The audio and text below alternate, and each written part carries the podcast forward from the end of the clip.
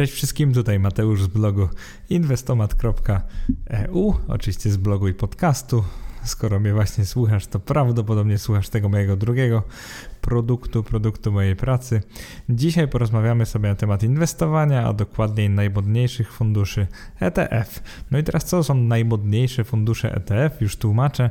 Chodzi o ETF-y na spółki wodne, na spółki zajmujące się produkcją baterii, na blockchain oraz na pojazdy przyszłości. Czyli to są takie cztery tematy, o które sporo osób całkiem pytało z wiadomych powodów. Te branże są bardzo modne. Oczywiście nie ma tu wszystkich najmodniejszych branż. Celowo pozwoliłem sobie y, tej branży OZE, czyli odnawialnych źródeł energii, tutaj nie plasować.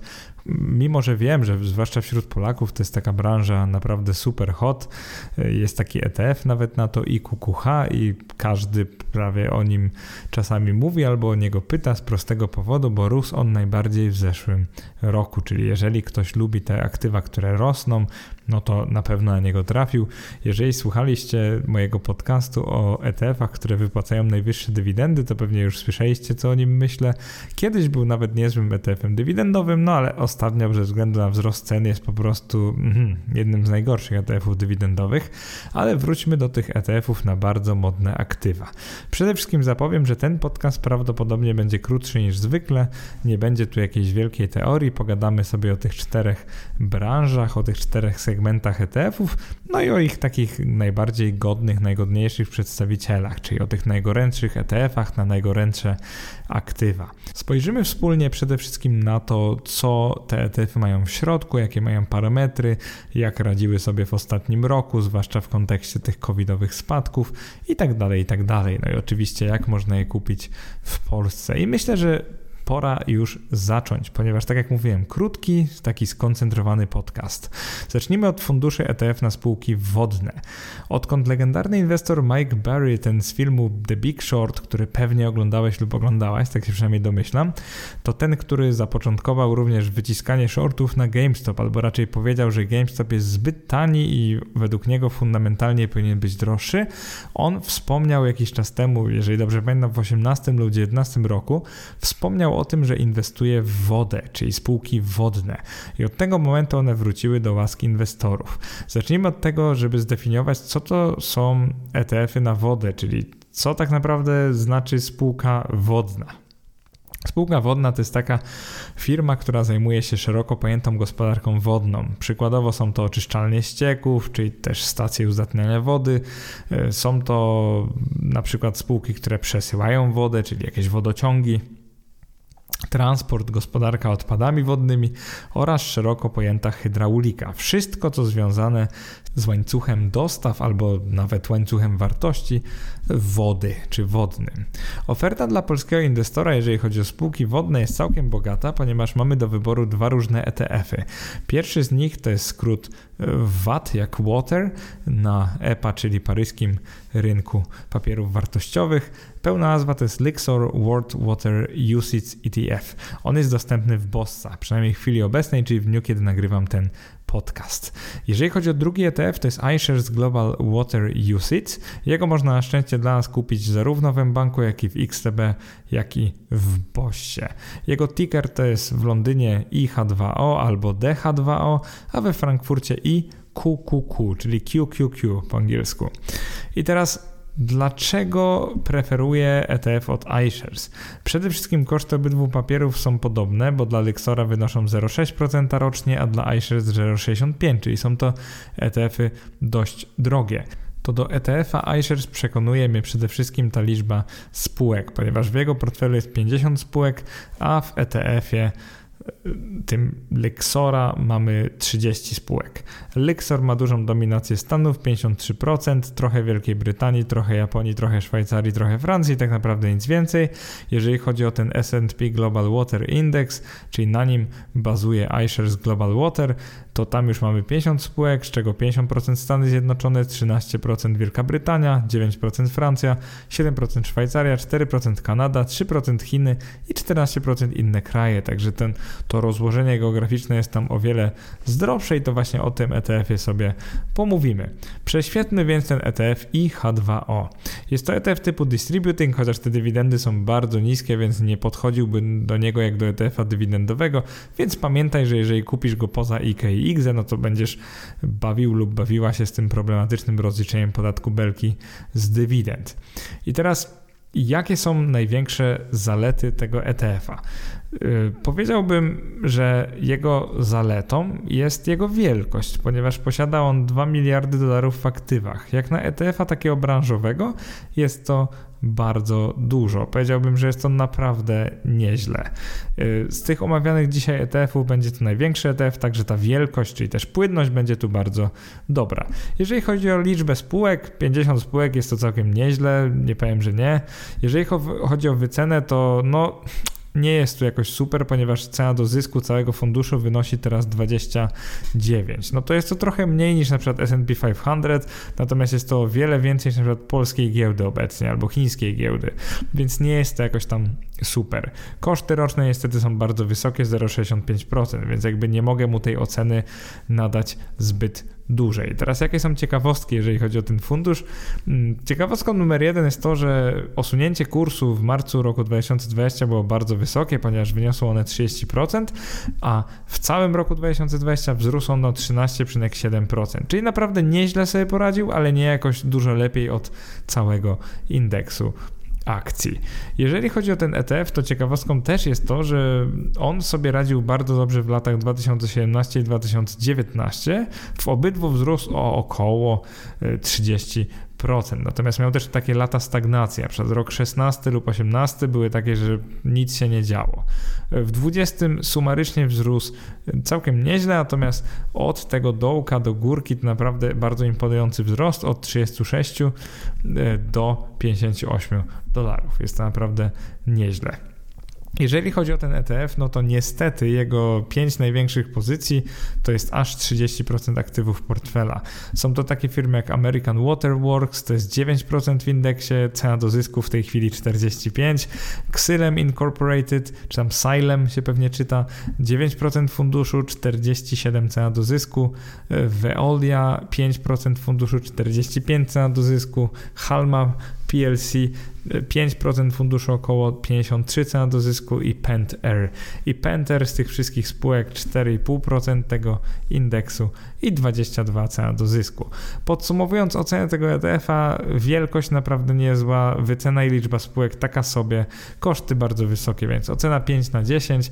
Mimo wszystko nie jest to jakaś jednoznacznie negatywna ocena, ale nie jest to najlepszy ETF z tego zestawienia. Mike Barry pewnie wie co robi, ta, mm, myślę, że ta branża jest przyszłościowa, że mogą w przyszłości skończyć się zasoby wody lub po prostu woda lub jej uzdatnianie będzie droższe niż dotychczas. Dlatego 5 na 10, ale teraz nadszedł czas na omówienie producentów baterii, które myślę, że baterie są takim jeszcze ciekawszym tematem niż woda dla wielu z Was. Co to znaczy w ogóle ETF na baterie? Oczywiście nie chodzi o to, że działa on na baterie. Y, posiadają spółki, które zajmują się na przykład produkcją baterii, y, na przykład wydobyciem materiały, materiałów związanych y, z bateriami, albo na przykład to są firmy R&D, czyli Research and Development, zajmujące się badaniem i takim ustanawianiem nowych technologii, przechowywania i przetwarzania energii. To są bardzo modne spółki, właśnie to jest kilka segmentów, tak naprawdę wszystko, co trzeba, żeby wytworzyć i wymyśleć baterie się znajduje tutaj. Jeżeli chodzi o ofertę dla polskiego inwestora, to znowu mamy tutaj do wyboru dwa ETF-y. Pierwszym funduszem jest BATT, tak jak BAT, Battery, to jest ETF LNG Battery Value Chain UCITS, dostępny w Bossa, a drugim jest Volt, no przez V, bardzo mi się podoba ten ticker, Volt Wisdom Tree Battery Solutions UCITS ETF. Dostępny w banku. Dużo bardziej mi się podoba ten drugi i zaraz Ci wyjaśnię dlaczego. Problemem ETF-a BAT, czyli Battery, jest to, że posiada on tylko 31 spółek. Ja w ogóle nie lubię ETF-ów, które mają tylko no, kilkanaście albo tak do 30 spółek. 28% Japonii, 23% USA, 14% Australii, później jest Korea, Chiny, Niemcy, Francja, Holandia, Szwajcaria i trochę innych krajów. 31 spółek, moim zdaniem nie warto kupować ETF-a, który posiada tak mało spółek. Zwykle jest to po prostu zbyt mało, żeby warto było płacić te koszty roczne, przynajmniej ja tak uważam. Jeżeli chodzi o ten londyński Vault, czyli Winston Tree Battery Solutions, jest tu już trochę lepiej. 93 spółki jest naprawdę nieźle jak na ETF branżowy, 28% Chin, 22% USA, 15% Japonii i dalej mamy Koreę, Australię, Niemcy, Belgię, Norwegię, Tajwan, Izrael oraz 8% innych krajów. Także mamy 93 spółki, bardzo zróżnicowane geograficznie. Mamy tutaj fajny miks e, developed i emerging markets, tak naprawdę prawie że pół na pół, co jest niewątpliwym plusem tego ETF-a. Jeżeli chodzi o koszty, no to koszty roczne są niższe też dla ETF-a Volt niż dla ETF-a BAT, więc z tego powodu będziemy dalej omawiać właśnie ten ETF Volt, czyli Wisdom Tree. Jeżeli chodzi o wielkość, to ten ETF Battery BAT jest y, o wiele większy, dwukrotnie większy, 500 milionów dolarów. ETF Volt ma tylko 250 milionów dolarów. No zwykle jak na branżówki jest to wystarczająco dużo, natomiast pamiętajcie, że nie jest jakiś wielki ETF, także ryzyko tego, że go kiedyś zdejmą jest całkiem wysokie. No i teraz prześwietlając ten ETF Volt, bo mimo wszystko preferuję go wobec tego BAT, no poza chwytliwą nazwą posiada wiele zalet. Do największych z nich należy na przykład to, że posiada prawie 100 spółek, największe 5 pozycji stanowi obecnie tylko około 19% kapitału, także nie jest tak źle. E, jeżeli chodzi o udział w indeksie, udział w tym funduszu, no to pierwszą spółką jest Plug Power 5%. Niestety ma ujemne cena do zysku minus 193, ponieważ notuje stratę. Drugą spółką Contemporary Amperex Technology 4% w tym funduszu, cena do zysku 200, także wow, ogromny współczynnik, dość droga spółka. Później mamy Gongfeng Lithium Corporation. Chińska firma 3,5% udziału w funduszu, czyli w tym benchmarku 350 cen do zysku. Ale żeby Was pocieszyć, kolejne spółki już mają coraz to mniejsze współczynniki cen do zysku, czyli nie są takie napompowane wcale. Ten ETF posiada wiele zalet i pierwszą na przykład z nich jest to, że w poprzednich latach, czyli w latach 18-19 w ogóle spółki na baterie nie rosły aż tak bardzo, więc dopiero skoczyły one tak bardzo w roku 2020. I teraz co to oznacza skoczyły one bardzo? Wzrosły one, ten ETF, uwaga, uwaga, o 109 jest to niesamowity rajd, ogromny wzrost, no i oczywiście po takich wzrostach bardzo często następują spadki albo one, te wzrosty nie są kontynuowane. Na pewno wadą jest wielkość, ponieważ 250 milionów aktywów dolarów to nie jest jakaś taka, to nie jest jakiś ogromny ETF, więc mogą być problemy z płynnością albo mogą go kiedyś zdjąć, jeżeli ta spółka odejdzie w niełaskę. Zdecydowanie na plus wypada liczba spółek, no bo tak jak mówiłem, około 100 spółek, jak na ETF branżowy jest to naprawdę nieźle. Jeszcze są to spółki z całego świata. Wycena ETF-a, no średnia cena do zysku spółki z funduszu to jest 34. Czy to jest dużo, czy mało? No to jest tyle mniej więcej, co teraz ma S&P 500, czyli indeks tych głównych, e, największych spółek notowanych w Stanach Zjednoczonych. E, jest to, powiedziałbym, dość dużo. 34 osobiście dla mnie to jest trochę przegrzany indeks, więc nie mogę powiedzieć, że ETF Volt jest teraz tani. Koszty roczne, no nie jest tak źle. 0,4% jak na branżówkę z różnych krajów to jest to całkiem nieźle. No mimo wszystko muszę mu wystawić ocenę 4 na 10, czyli trochę mniejszą niż temu ETF-owi na wodę. E, ta branża bateriowa, bateryjna, że tak powiem, ona jest bardzo przyszłościowa, natomiast ta wycena jest ogromna i wzrost zeszłego roku jest taki trochę no cóż, może zbyt optymistyczny, 109% wzrostu w ciągu roku. No, ciężko jest naprawdę nazwać to mało optymistycznym.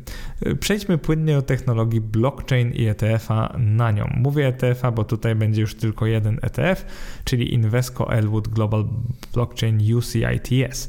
Tutaj nie mamy tak łatwo y, do, nie mamy łatwej pracy, jeżeli chodzi o zdefiniowanie, co to są e, w ogóle spółki blockchain. Blockchain kojarzy się z kryptowalutami, ale w tym ETF-ie skojarzonych mamy mnóstwo różnych spółek i nie wszystkie są takie oczywiste. Dla przykładu mamy tu spółki technologiczne zajmujące się infrastrukturą, danymi i szeroko pojętą analityką, czyli z blockchain nie mają wcale dużo wspólnego. Później mamy banki i giełdy kryptowalut, więc tutaj oczywiście już dużo jest związane z blockchainem albo z kryptowalutami.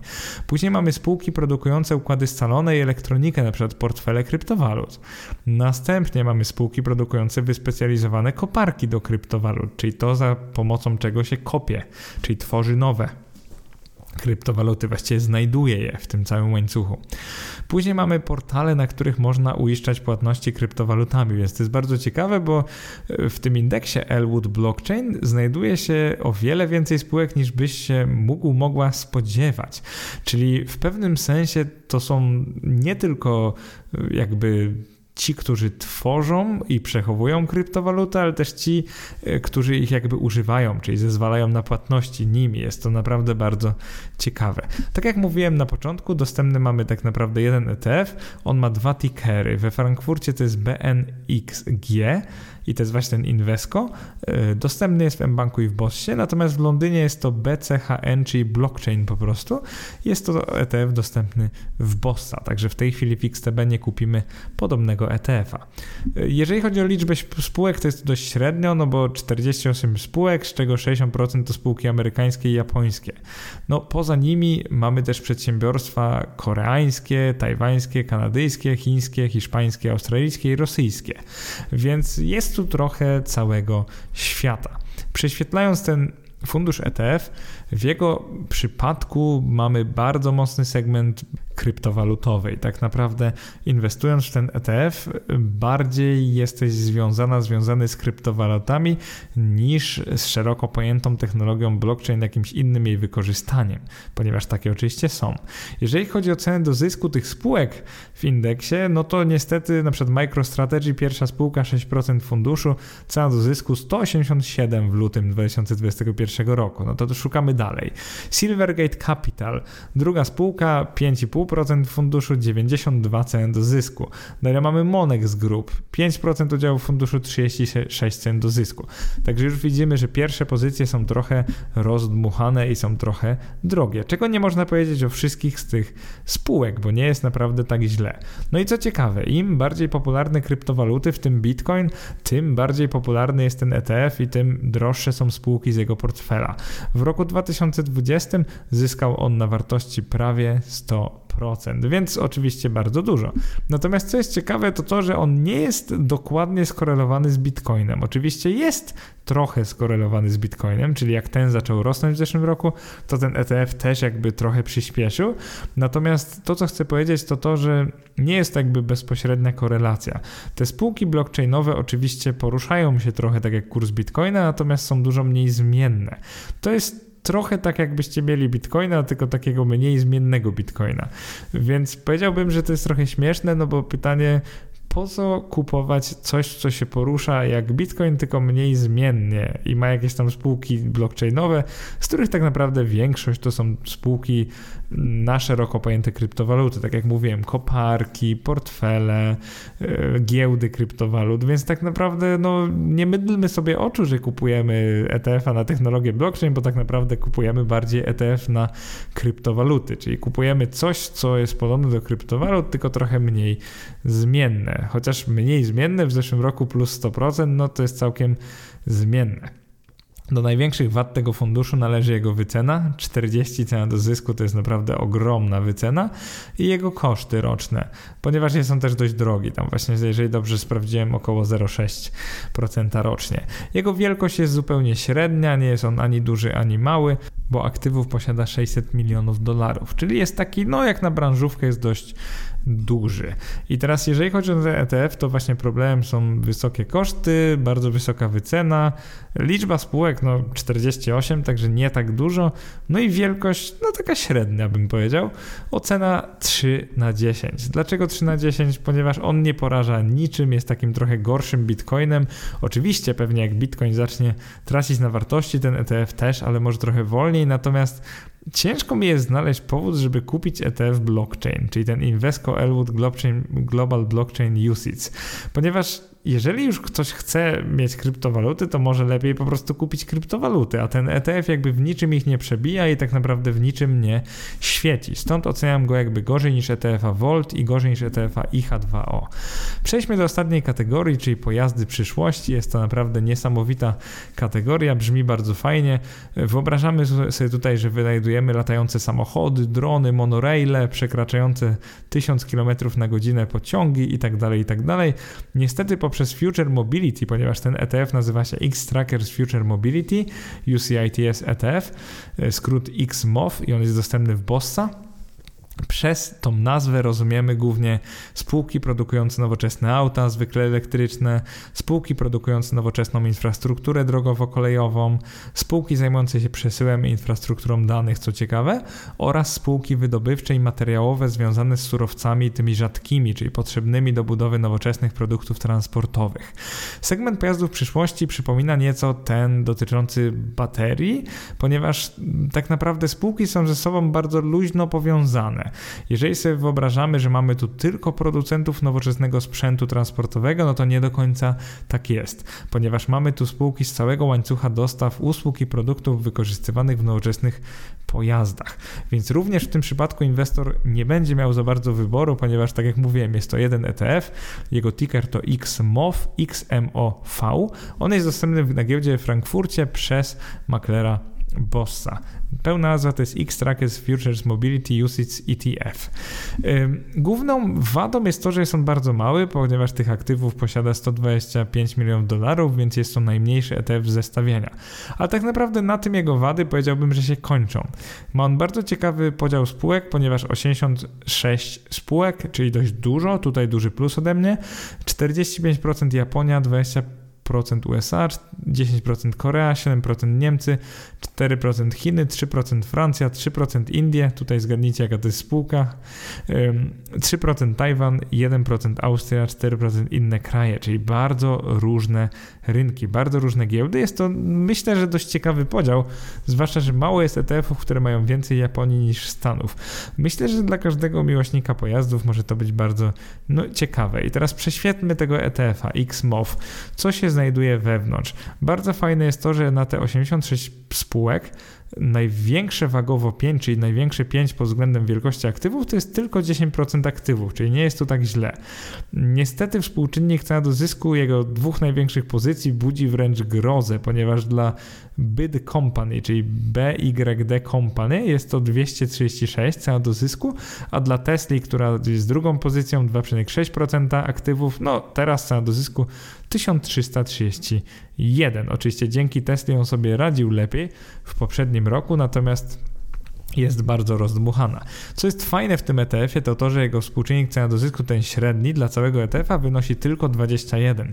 Czyli w przypadku tych przegrzanych branż, takich jak baterie, woda, odnawialne źródła albo blockchain, no to są to dużo wyższe wskaźniki, no to tak, tak Future Mobility ma całkiem niski wskaźnik 21. Czyli można powiedzieć, że jest wyceniany bardzo defensywnie, niżej od całego rynku, więc to jest naprawdę ciekawe.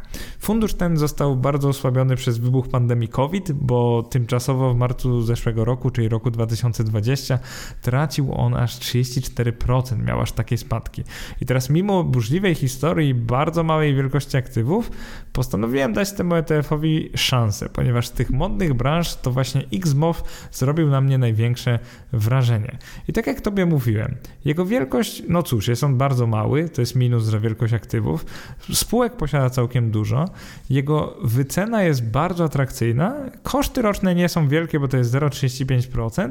Stopa zwrotu, w zeszłym roku była plus 27%, czyli całkiem spora, ale i tak mniej niż te super modne branże właśnie bateryjna, że tak powiem, i blockchainowa i wzrosną tak naprawdę o wiele, wiele mniej, więc może potencjał jeszcze przed nim. Więc ogólna ocena to jest 7 na 10. Oczywiście na minus w pewnym sensie jest duża koncentracja Japonii, bo nie lubię, jeżeli w ETF-ie branżowym jak, jakakolwiek, jakikolwiek kraj, no może poza Stanami, yy, ma taką dużą przewagę. Fajna sprawa jest to, że stabilizuje e, ten fundusz to, że te japońskie spółki zwykle mają niskie ceny do zysku, czyli nie tak jak cały indeks japoński Nikkei, tylko trochę niższe wskaźniki ceny do zysku. E, no i jeżeli chodzi o podsumowanie, to z tych czterech ETF-ów najciekawszy dla mnie jest ten XMOV, czyli Future Mobility. Jest on tani, ma dużo spółek i całkiem defensywnie wyceniany, więc jeżeli patrzę na branżówki, to to jest dla mnie najciekawsza.